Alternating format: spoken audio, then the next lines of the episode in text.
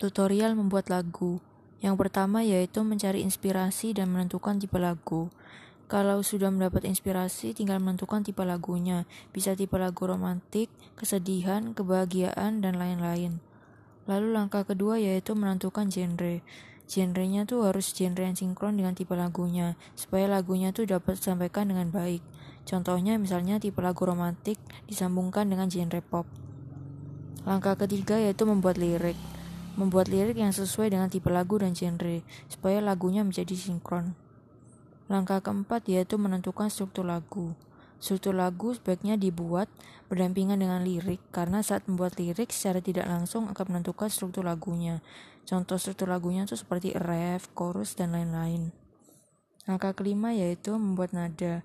Berdasarkan pengalaman saya yang tidak seberapa mahir main alat musik, saya membuat nada lagu dengan cara bersenandung dulu, lalu mencari nada yang pas dengan lirik saya. Yang keenam yaitu menyanyikan. Lagunya dinyanyikan supaya bisa dikoreksi ataupun ditambah-tambahi. Sekian dan terima kasih.